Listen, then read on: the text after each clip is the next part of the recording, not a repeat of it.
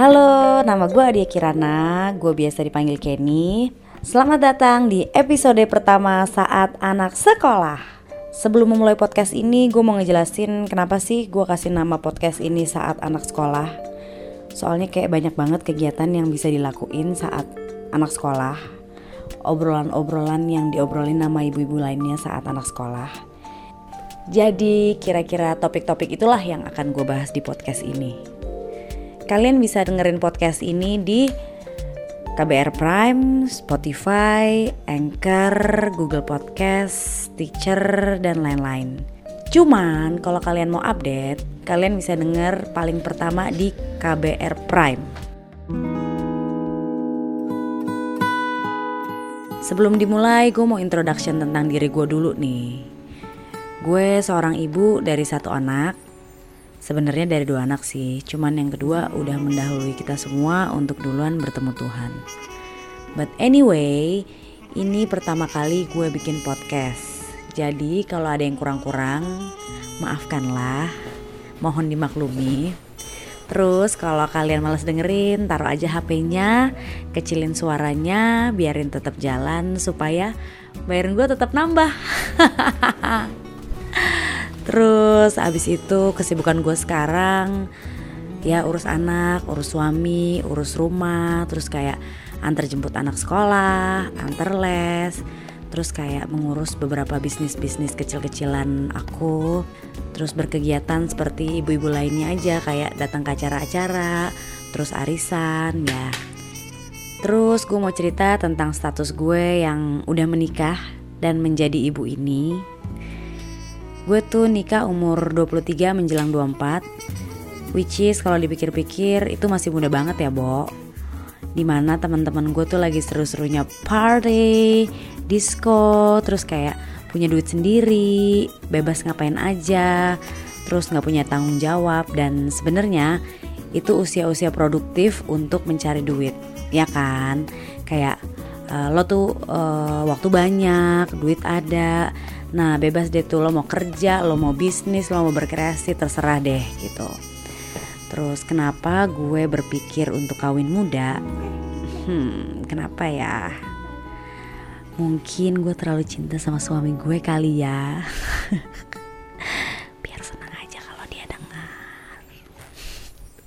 Nggak deng, sebenarnya dulu gue tuh berpikiran kalau kehidupan pernikahan itu indah sekali. Ya gak sih? Tapi ternyata setelah gegap gempita pesta dan honeymoon berakhir, jeng jeng, mulailah lembaran baru. Ternyata bener ya Bo, kalau orang-orang datang bilang selamat menempuh hidup baru, selamat membuka lembaran baru. Ternyata emang bener banyak masalah-masalah baru yang muncul yang sebelumnya emang gak gue dapetin pas gue ABG. Kayak hmm, never ending drama pembantaian Gila pembantu. Mana gue mikir dulu waktu kecil mau ada pembantu, mau nggak ada. Dulu gue pergi tinggal pergi, pulangnya tinggal pulang, makan udah tinggal makan, udah tersedia di meja. Tidurnya tinggal tidur. Terus ada juga masalah-masalah masalah-masalah finansial yang kayak bayar sekolah lah, bayar listrik, bayar internet, bayar air, satpam, sampah ya gitu-gitu deh banyak.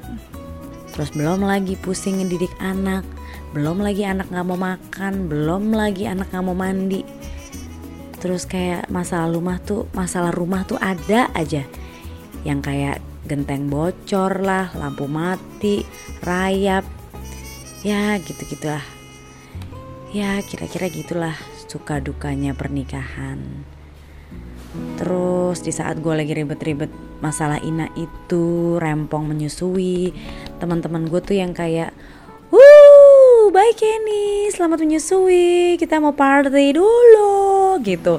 Terus gue tuh kayak cuman memandang foto-foto mereka di Instagram sama pet sambil gue nyusuin.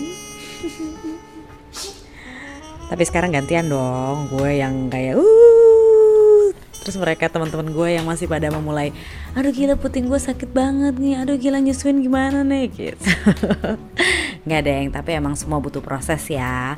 Semua tuh pasti indah pada waktunya.